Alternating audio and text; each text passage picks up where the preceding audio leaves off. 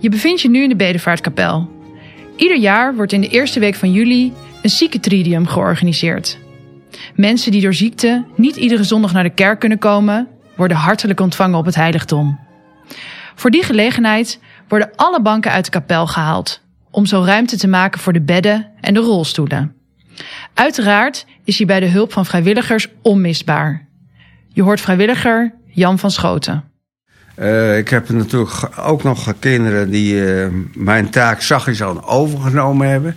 Onder andere het bankersjouwen met de ziekentridium.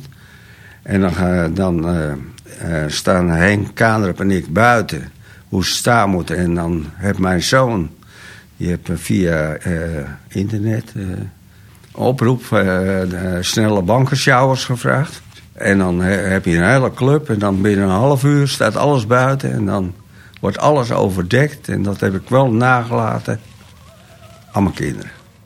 Aan weerszijden van de kapel zie je vier houten biechthokken. En achterin een houten Mariabeeld. Meer informatie over dit beeld en de geschiedenis vind je daar.